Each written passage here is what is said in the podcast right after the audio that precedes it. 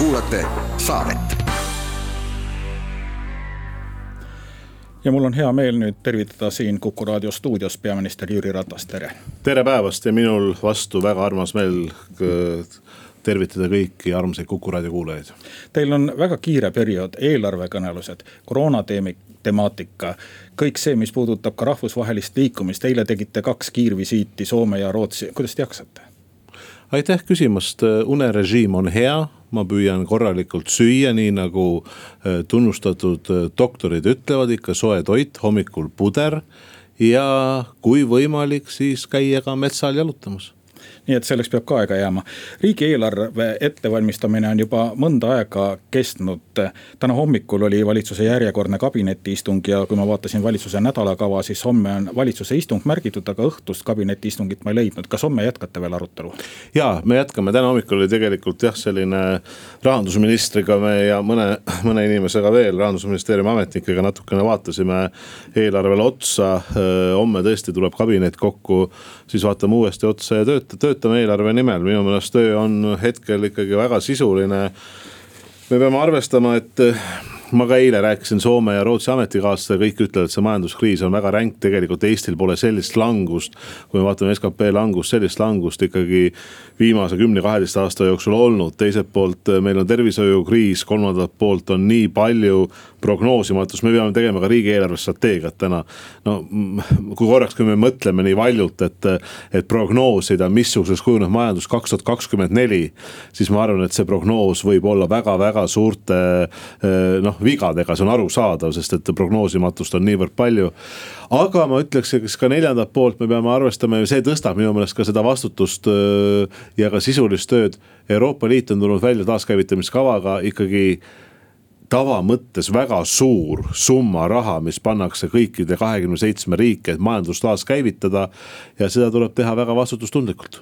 see summa, mis Euroopa Liidu poolt on tulemas, on tegelikult üpriski hoomamatu tavainimese jaoks. kas järgmise aasta osas on juba kokku lepitud või otsustatud see, et milline osa eelarvest tuleb nii-öelda omalaekumisest ehk SKP-st ja milline osa võetakse siis laenudest? no selge on see, et eh, nagu enamus tuleb ikkagi eh, ütleme siis tuludest, mis laekub riigieelarvesse ehk Eesti maksumaksja tänu Eesti maksumaksjale.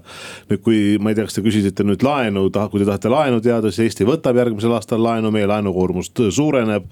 ja sellist mustvalget joont, et tõmmata nüüd vot see euro tuli eh, näiteks käibemaksu või sotsiaalmaksu osas, aga see euro tuli laenu osas pangast, seda on praktiliselt võimatu teha.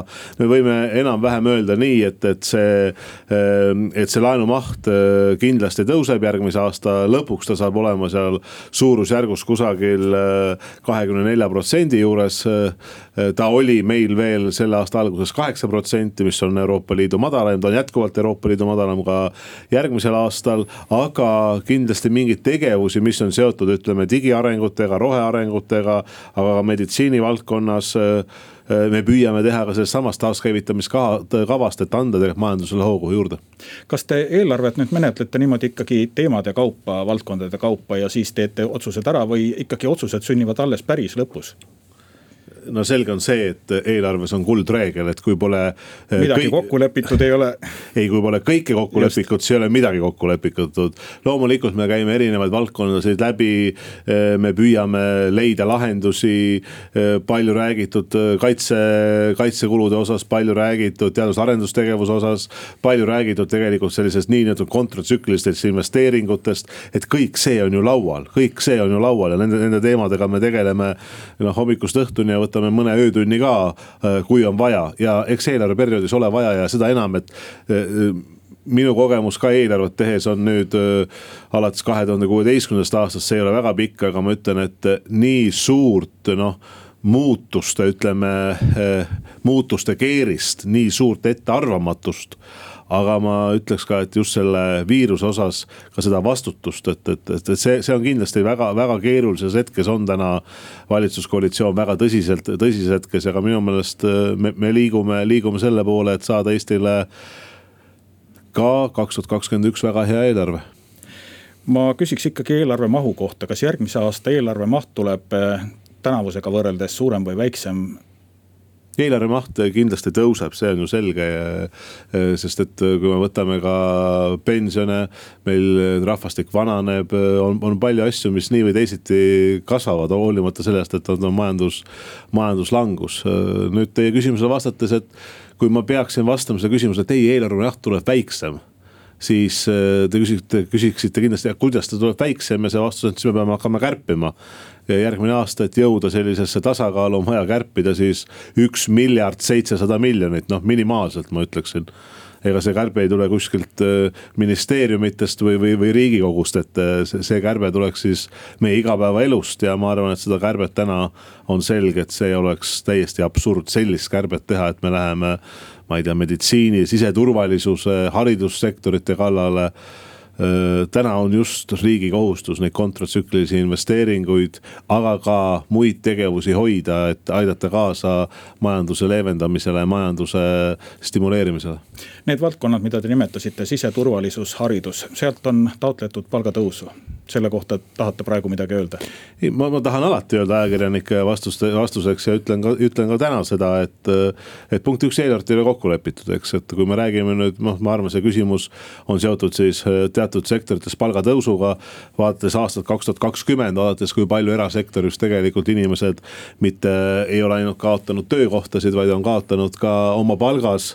Äh, arvestades, missugusest langusest Eesti majandus käib läbi ja see on tõesti väga ränk siis ma ei pea väga võimalikuks, et me järgmine aasta hakkame riigi palgafondi tõstma, et ma arvan, et äh, see ei oleks äh, mõistlik tegevus nii et, aga loomulikult eelarve läbirääkimised lähevad edasi, aga täna siin raadiosaates öelda, et jaa õpetajate palk tõuseb, politsei palk tõuseb, päästeametnike palk tõuseb. noh, ma kõike seda sisuliselt väga soovin, aga meie realiteet on täna natuke teistsugune kui vaadata nüüd piiriüleseid sidemeid, mainitud juba sai teie eilseid sõite Soome ja Rootsi. kas sealt tuli ka selliseid sõnumeid, et me võime öelda näiteks, et Eesti töölistel, kes Soomes tööl käivad, ei tule ikkagi karantiinis, eneseisolatsioonis Soomes olla? vastus on jah. Soome peaks tegema homme selle otsuse, see peaks hakkama kehtima järgmisest nädalast. ma arvan, et järgmise nädala algusest, kus turisti, turistidele sõita ei ole enam lubatud. aga kui me räägime tööinimestest, töötegijatest, räägime räägime kaupade liikumisest äh, äh, siis äh, see jätkub ja see näitab tegelikult taas, et loomulikult ma soovin ka, et meil oleks seesama heas mõttes see Balti mull ja Soome mull, mis me kevadel lõime, mis suvel töötas, ta töötas hästi. Täna viiruse näitajad lähevad ülesse, Soome on öelnud väga selget reegli, kõik, mis on üle kahekümne viie, midagi ei ole teha, sealt meie piirid lähevad kinni Euroopa Liit on pannud ju, Euroopa Komisjon on pannud teise lähenemise, et see võiks olla viiskümmend. ega ma arvan, et riigid täna selle viiekümnega konsensuslikult selge on see kaasa ei tule. riigid näevad oma nakatumiskordajaid ja nakatumisarve erinevalt. aga jah, Soome-Rootsiga on head, head sidemed, et ka sellisel keerulisel ajal, kus kõik kolm riiki tegelikult teevad oma, oma eelarveid, oli, oli tõesti väga sisulised ja, ja olulised kohtumised äh, Soome ja Rootsi peaministriga nii et homme võib oodata seda otsust, mis laseb Eesti töölistel taas ikkagi Soomes edasi jätkuvalt käia. nagu ma ütlesin, et tööinimestel äh, on see äh, töö pende, pendeldamine lubatud, aga, aga jah, turism järgmisest nädala algusest Eesti ja Soome vahel jääb, läheb kinni see mõjutab kahtlemata ka meie laevafirmat Tallink, aga teisi laevafirmasid ka, mis Eesti ja Soome ja Eesti ja Rootsi vahet tegutsevad ja liiguvad. Ja meremeeste ametiühing on teinud ka täna avalduse, kus ta märgib, et oleks vaja kiiret lahendust, kui kiiret lahendust neile saab lubada no ma arvan, et neid kirju saab täna peaminister võib-olla iga tund erinevatest sektoritest, et on vaja kohe lahendusi ja kiireid lahendusi, reeglina. me oleme püüdnud aidata nii palju kui võimalik erinevaid sektoreid, noh, te toote selle merenduse. võtame selle Tallinki, mida te mainisite, küll oli neid palju ju neid majandus inimesi ja ettevõtjaid, kes ütlesid, et ei tohi mingit laenu riik anda. kui te mäletate, see esimese lisaeelarvega mingit laenu ei tohi anda ei, ei Tallinkile ega teistele seal ettevõtetele.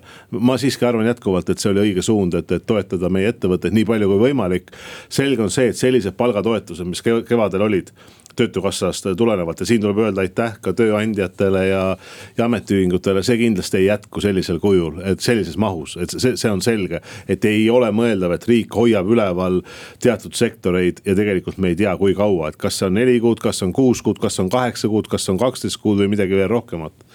Aga ma arvan, et majandusse loomulikult me oleme abi andnud, merendussektorisse me oleme päris kõva abi andnud tegelikult eh, riigi poolt, aga see on ju maksumaksja raha no kui me võtame näiteks kinnisvaraarendust, siis Porto Francost on juttu olnud, aga teised kinnisvaraarendajad võivad ka tahta toetuse samasuguseid ja näiteks Patarei vangla on üks asi, millest juttu on olnud jah, et ei ole ju nii, et eh, peaminister paneb eh, need tingimused kokku ja ütleb, et sellele andke või sellele ei anna. aga kui teatud ja, summast suuremaks läheb see piir, siis saab valitsus juba oma ja jumal tänatud, et see nii ei ole, tõsi, kui see on üle kümne miljoni, see on valitsuse otsus.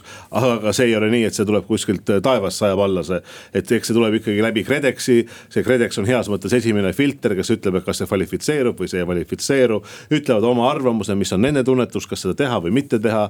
nii et jah, kui sellest Porto Francost rääkida, väga suur ehitusplats, eks ju, väga suur ehitustanner. väga paljud inimesed saavad seal tööd, seal on tagasi, niinimetatud tagasipõrge ka Eesti eh, eelarvesse läbi maksude, üle kahekümne miljoni aastas.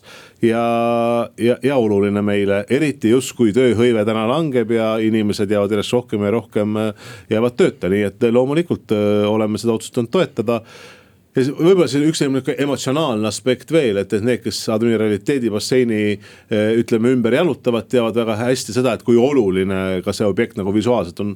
Eh, Patarei puhul ei, mul ei ole täna ju mingit, mingit otsust, et, et seda KredEx peab menetlema ja, ja siis tuleb, siis kas tuleb või ta ei tule valitsusse oma ettepanekuga turismiobjektina Patareid võiks ju tõlgendada kui palju efektiivsemat eh, objekti ma, ma arvan, et no küsimus, et me leiame heale lapsele mitte üks-kaks, vaid võib-olla kümme nime, eks ju, et see ei ole küsimus, aga. selge on see, et, et riik ei suutnud patareid eh, korda teha, see oli ju riigi otsus, eh, see erasektorile maha müüa, erasektor selle ostis, tuli nüüd koroonaviirus. Eh, kindlasti ka nemad soovivad toetust, kas seda antakse või mitte, seda täna on, ma arvan, praktiliselt võimatu öelda. aga jah, ma olen teiega nõus, turismiobjekt, väga oluline mere, mere ääres olev objekt kindlasti paljudele inimestele ka väga raske ajalooga, väga raske ajalooga, väga suure äh, traagikaga. aga ei ole ka võimalus öelda, et pühime selle maa pealt minema erinevatele reeglitele tuginedes ja siis on küsimus, et mis sellest siis saab. tänasel kujul seda hoida, lihtsalt konserveerida. noh, ma arvan, et kui on võimalik seda ikkagi välja ehitada, investeerida sinna, siis seda peaks püüdma neid lahendusi leida tuleme päris päevakohase küsimuse juurde või kõik küsimused õigupoolest on päevakohased. koroonaviirusega seonduv, homme on oodata valitsuse otsust selles küsimuses, mis puudutab eh, sisetingimustes, siseruumides toimuvatel koosviibimistel osalejate piirmäära. ja praegu senimaani on see olnud nüüd tuhat viissada seoses koroonaviiruse levikuga. plaan on muuta ja vähendada see seitsmesaja viiekümne peale, miks just nii? jah, et äh, me oleme seda nüüd mitmeid kordi arutanud äh, see oli tegelikult ka minu palve või ettepanek teadusnõukojale, et nad korraks arutaksid seda, et, et tuua seda tuhande viitesadat alla. ma arvan, et, et jah, tunnustus kultuurisektorile, ega me ei, ega me ei saa öelda, et sealt on väga palju täna viirus äh, levinud. aga me peame ka tegema kõik nagu preventatiivselt ette ära. et olgem ausad, ikkagi tuhat viissada inimest täna siseruumides üheskoos ühel hetkel on liiga palju, nii nagu ka terviseamet eelmise nädala pühapäeval ütles ja ma nõustun, et, et ees on sellised otsustavad nädalad ees on otsustavat nädalat, see oli ka põhjus, miks tegelikult valitsus tegi eile ühisavalduse, kus me ütlesime, et koroonaviiruse leviku peatamiseks me peame ühiselt pingutama, nii et tuua seda tuhande viitesadat piiri allapoole ja ma arvan, et seitsesada viiskümmend on äh, hea lahendus, on igal juhul parem lahendus kui tuhat viissada. Kommunikatsioon on probleem, on öelnud näiteks teadusnõukogu juht Irja Lutsar oled temaga täielikult nõus. aga mis kommunikatsiooni proua professor Lutsar silmas peab? no ta mainis eeskätt seda kommunikatsiooni, et võib-olla eesti keelt mitte emakeelena kõnelevad inimesed ei ole seda koroona informatsiooni kätte saanud, nad saavad seda teistest allikatest, ehk siis öelgem otse vene allikatest ja seal käsitletakse küsimusi teistmoodi. ja nüüd ma saan küll aru, mis te mõtlete, et ta on tõesti öelnud, et Ida-Virumaal, kus on suur ka vene emakeelega elanikkond, aga ma arvan, et väga paljud inimesed äh, saavad ja, ja tegelikult jälgivad ka eestikeelset meediat. ja siin ma tahan öelda Kuku raadiol otse-eetris, teile teie ametikaaslastele ja kuulajatele tegelikult suur tänu. kuku raadio on väga kiiret informatsiooni edastanud, tõesti, Kuku raadio teeb seda eesti keeles. nüüd on küsimus selles venekeelses asjas, kas siin on parandamisruumi, vastus on kindlasti parandamisruumi. me püüame ka, see oli viimases kohtumisel ka professor Lutsariga kõneaineks, oli teisipäeval sellel nädalal. et igal juhul seda kommunikatsiooni parandada äh, ka äh, venekeelsete teadete, venekeelse info kohale viimisega. ja siin me loomulikult ühelt poolt palume erameedia abi ja teiselt poolt ka Rahvusringhääling ETV Pluss on näidanud ju väga positiivseid numbreid kahe tuhande kahekümnenda aasta jooksul just tõusu mõttes. Te kuulate saadet jätkame saadet, meil on stuudios peaminister Jüri Ratas ja selles saate pooltunnis on võimalik ka kuulajatel peaministrile telefoni teel küsimusi esitada. meie telefon on kuus, kakskümmend üks, nelikümmend kuus, nelikümmend kuus, aga enne kui me esimese kõne vastu võtame, küsiksin veel ühe küsimuse ise. praegu on riigikogus käimas rahandusminister Martin Helme umbusaldusavalduse arutelu. Martin Helme on kõnepuldis, vastab riigikogu saadikute küsimustele. ta on küsimustele vastanud riigikogus korduvalt, ka teie vastasite täna riigikogu infotunnis sama teema teemalistele küsimustele ilmselt, millele Martin Helme praegu vastab. kas äh, usaldate Martin Helmet täielikult või on see, et talle nüüd täna tõenäoliselt umbusaldust ei avaldata, koalitsiooni püsimise küsimus? ma usaldan oma ministrit, sealhulgas rahandusministrit. kui ma ei usaldaks, siis ma oleks selle avaldusega ammu Kadriorus. see, mis täna toimub riigikogus, on Reformierakonna soov tõusta peaministri toolile. see on väga konkreetne soov, aga seda ei saa Reformierakonnale ette heita. riigikogu ongi poliitiliste debattide noh, sotsid läksid ka kaasa nüüd äh, selle umbusaldusega, eks ju, aga riigikogu saal ongi poliitiliste debattide pidamise koht, õige koht.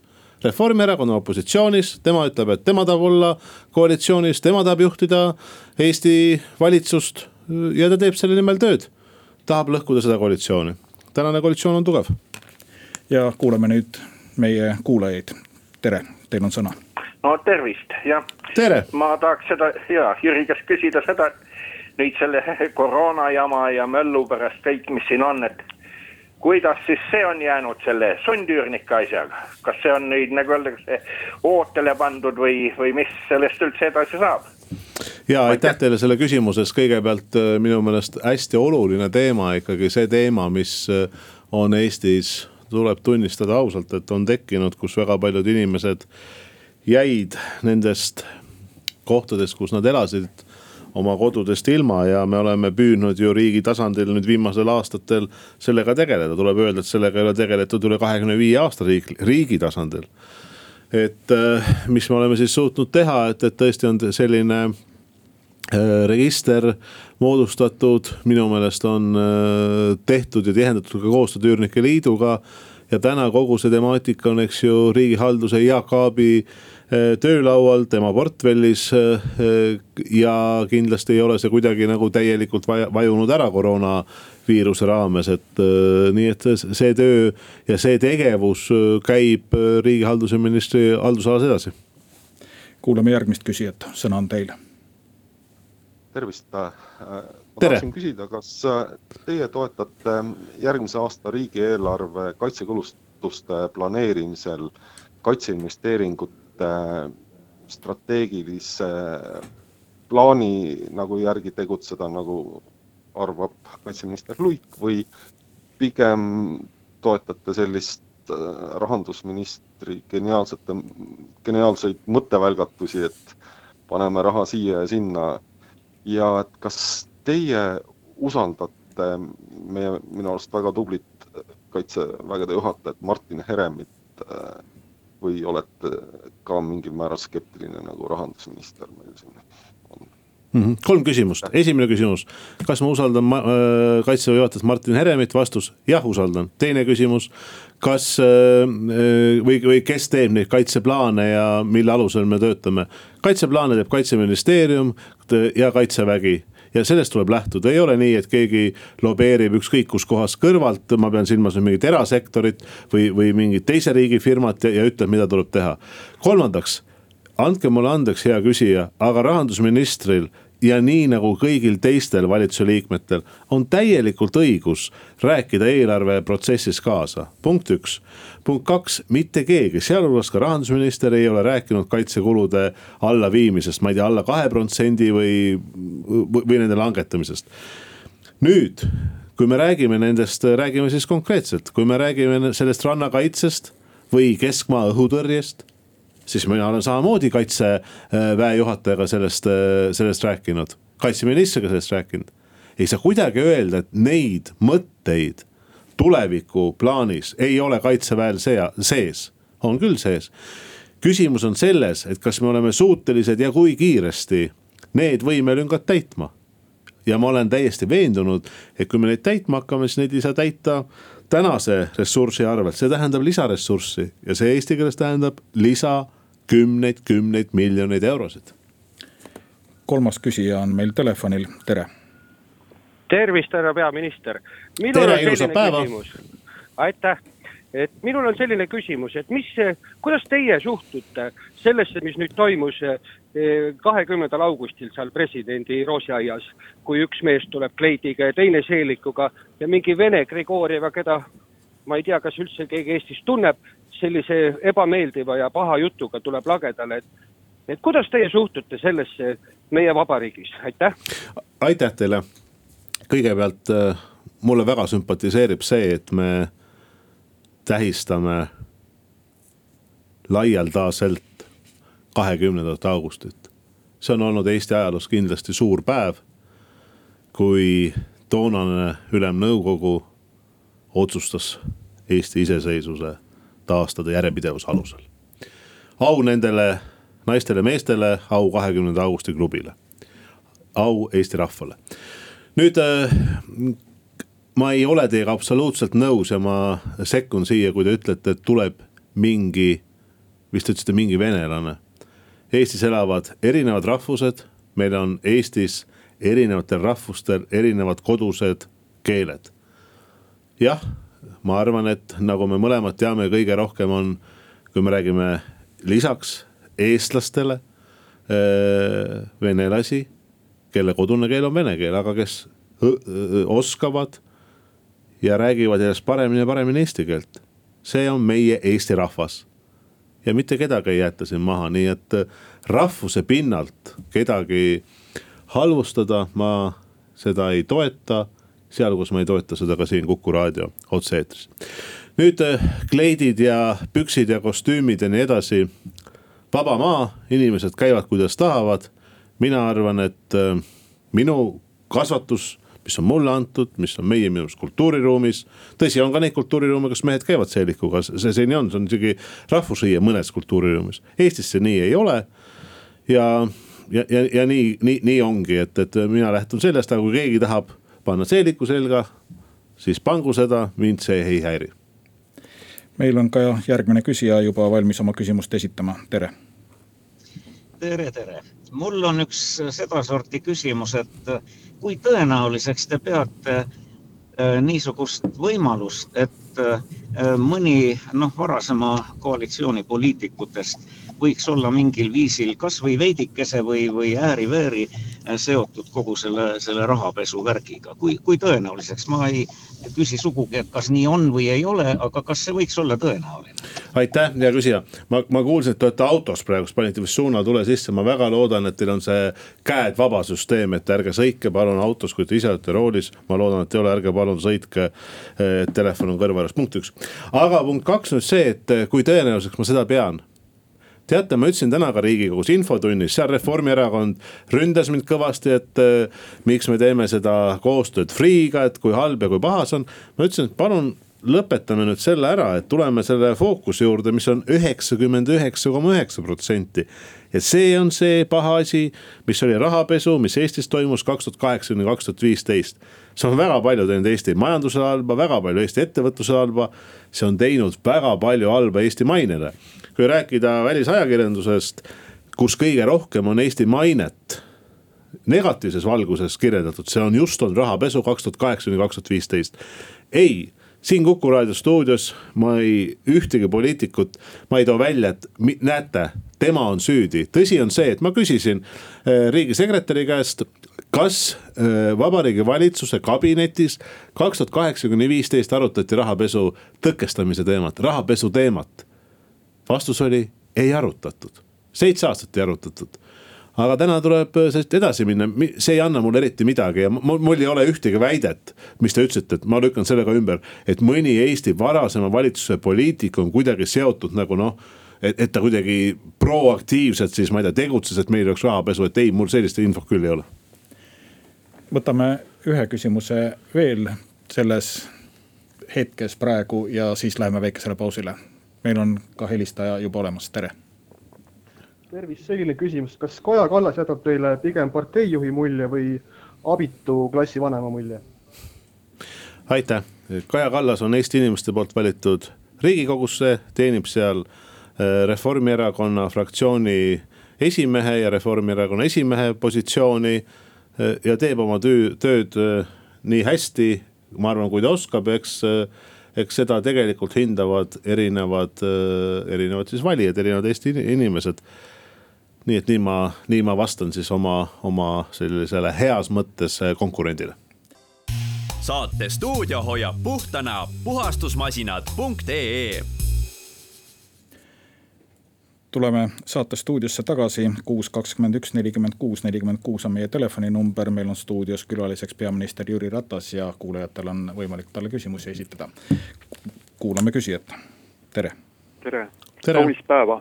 ilusat päeva.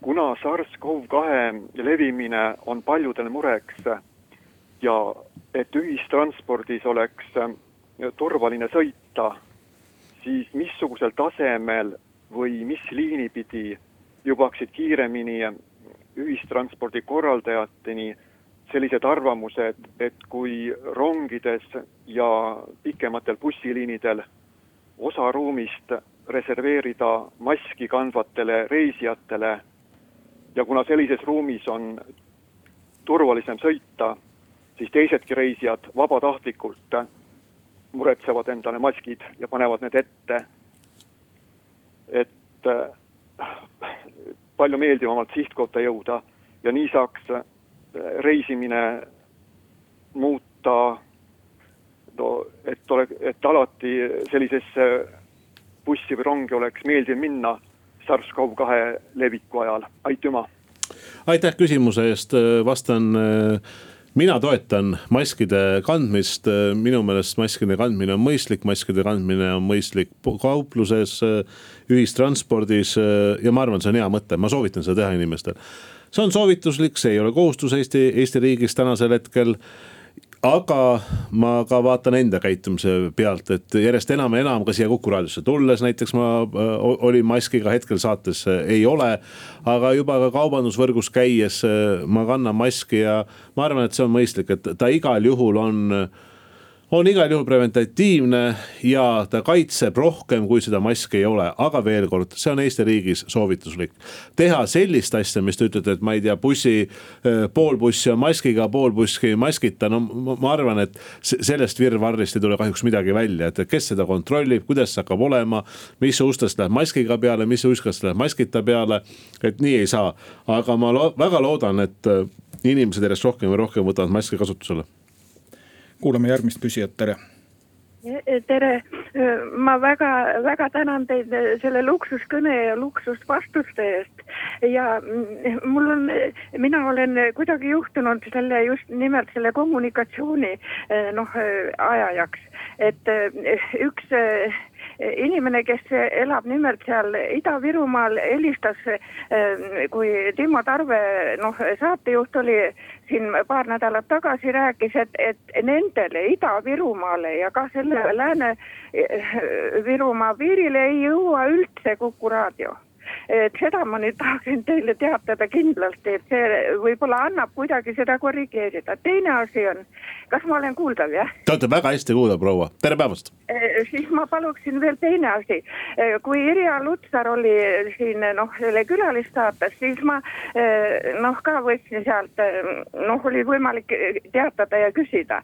ja, ja siis ma rääkisin ka sellest, aga kahjuks seda eetris ei räägitud, aga et mina olen noh põlvest põlve usklik ja, ja väga ja samuti teie, samuti, eks ole, nüüd minister, kelle peale seal kaebamised on, aga meil on üks probleem kahjuks et kuna me kõik loodame ainult Jumala peale, siis aga meil on nüüd raske olukord ja, ja, ja mina tean, ma olen lapsest saadik, tunnen kõiki oma neid lähedasi inimesi, et ja ise elan praegu ka endise väga eaka noh, endise pastori juures ja äh, tunnen hästi usklike keskkonda. usklikudel ei ole absoluutselt mingit noh, äh, kontakti sellega, praegu ei ole riigis mingit äh, noh, kohutavat asja, aga kui juhtub, et veel halvemaks läheb, et ma paluksin võtta arvesse, kuidas ähm, riik saab kommunikeerida usklike kogukondadega, nemad ei kuula raadiot mitte mingit, nemad,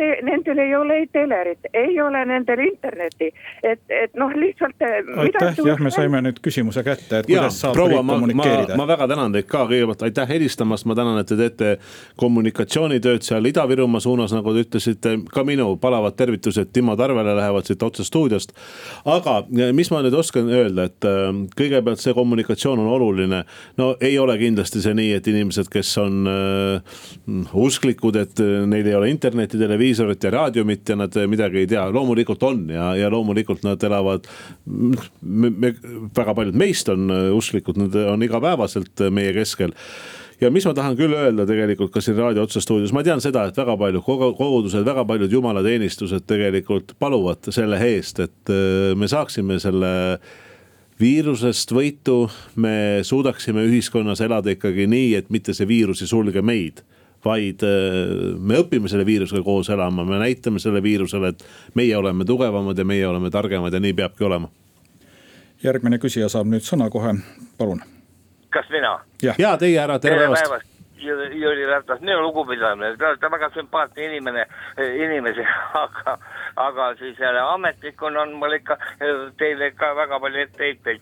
no mina olen see mees, kes tõesti kolmkümmend aastat ei ole saanud oma talu kasutada, see selleks. aga see viirus on väga tõsine asi, mis te sellest arvate, et ka vene keeles räägitakse, et noh, et kes bussi tulevad, nad seal, kui nad köhivad oma, oma pihku, siis selle pihuga kohe nad krabavad kuskilt kinni, kus teisedki väljaminekut, et, et noh, et kui olgu, kellel on nohu ja midagi, olgu sellel taskurätt või siis köhitakse. paluks küsimust ka jah, et, et seda ma ütlen, et venekeelsele elanikule ka ikkagi, neid on nii palju siit äh, Tallinnas rohkem kui eestlasi, et keegi teeks neile ka selgeks, et, et nad hoiaks, siin Eesti rahvas hoiab, aga venelased ei hoia oma värki. ja teine asi on see, et ikka ma tahan oma taluvara tagasi saada, te käite igal pool, kus pakutakse head sööki juua, aga tulge ka sinna Lokutele, seal on nii palju majandust tehtud, talud on ära hävitatud, et tulge vaadake, et aitäh küsimuse aitäh, eest. suur tänu, suur tänu teile, aitäh heade sõnade eest, aitäh kriitika eest, kindlasti, kindlasti võtan seda tõsiselt, te ütlesite, et on ka palju etteheiteid, aga see viibki elus edasi. nüüd äh, ma olen täiesti veendunud, et kommunikatsiooni eesti keeles, aga ka vene keeles, mis te ütlesite, parandada, tuleb parandada, ma olen täiesti nõus sellega. bussides on juhendid olemas, ma usun, et see, mis te ütlete, täpselt seesama, et kui me köhime, kui me aevastame, et, et me paneme ette kas käe või, või, või varruka või, või meil on taskurätt, jah, loomulikult ma saan aru, mis te ütlete, et kui ma olen seda teinud, et ma panen siis käe, ütleme sinna, hoian bussist äh, kuskilt äh, käepidemes kinni. noh, oleks hea kohe, kui ma saan ka selle ära desinfitseerida, desinfitseerimisvahendeid müüakse. minulgi siin raadios on desinfitseerimisvahend kaasas ja kasutan seda usinasti. anname sõna järgmisele küsijale. meil on küsija olemas ja tere. tere, jõudu. tarvis, jõudu tarvis selline küsimus on tekkinud, et äh, seoses selle koroonakriisiga, eks ole, paljud sektorid on äh, saanud kannatada, eks ole. aga kas, kas on tarvilik kõiki neid sektoreid nii-öelda rahaliselt toetada? kui me võtame näiteks siin mõned suuremad ettevõtted nimesid nimetamata, kus, mille aastakäive on, ütleme üle miljardi ja võetakse aastas miljoneid dividende ja siis nüüd nii-öelda kuu aja pärast ei suudeta ilma toetusteta hakkama saada. ma tänan väga küsimust, küsimust, aga ma ei saa vastata, kui te ei nimeta nimesid, ikkagi nimetage need nimed palun mulle. no võtame näiteks Tallinki. võtame, võtame, võtame. ma tänan, aitäh, ma tänan küsimuse eest, ma kindlasti vastan teile. Tallink, kas tuleks toetada või mitte, minu arvamus on, et tuleks toetada.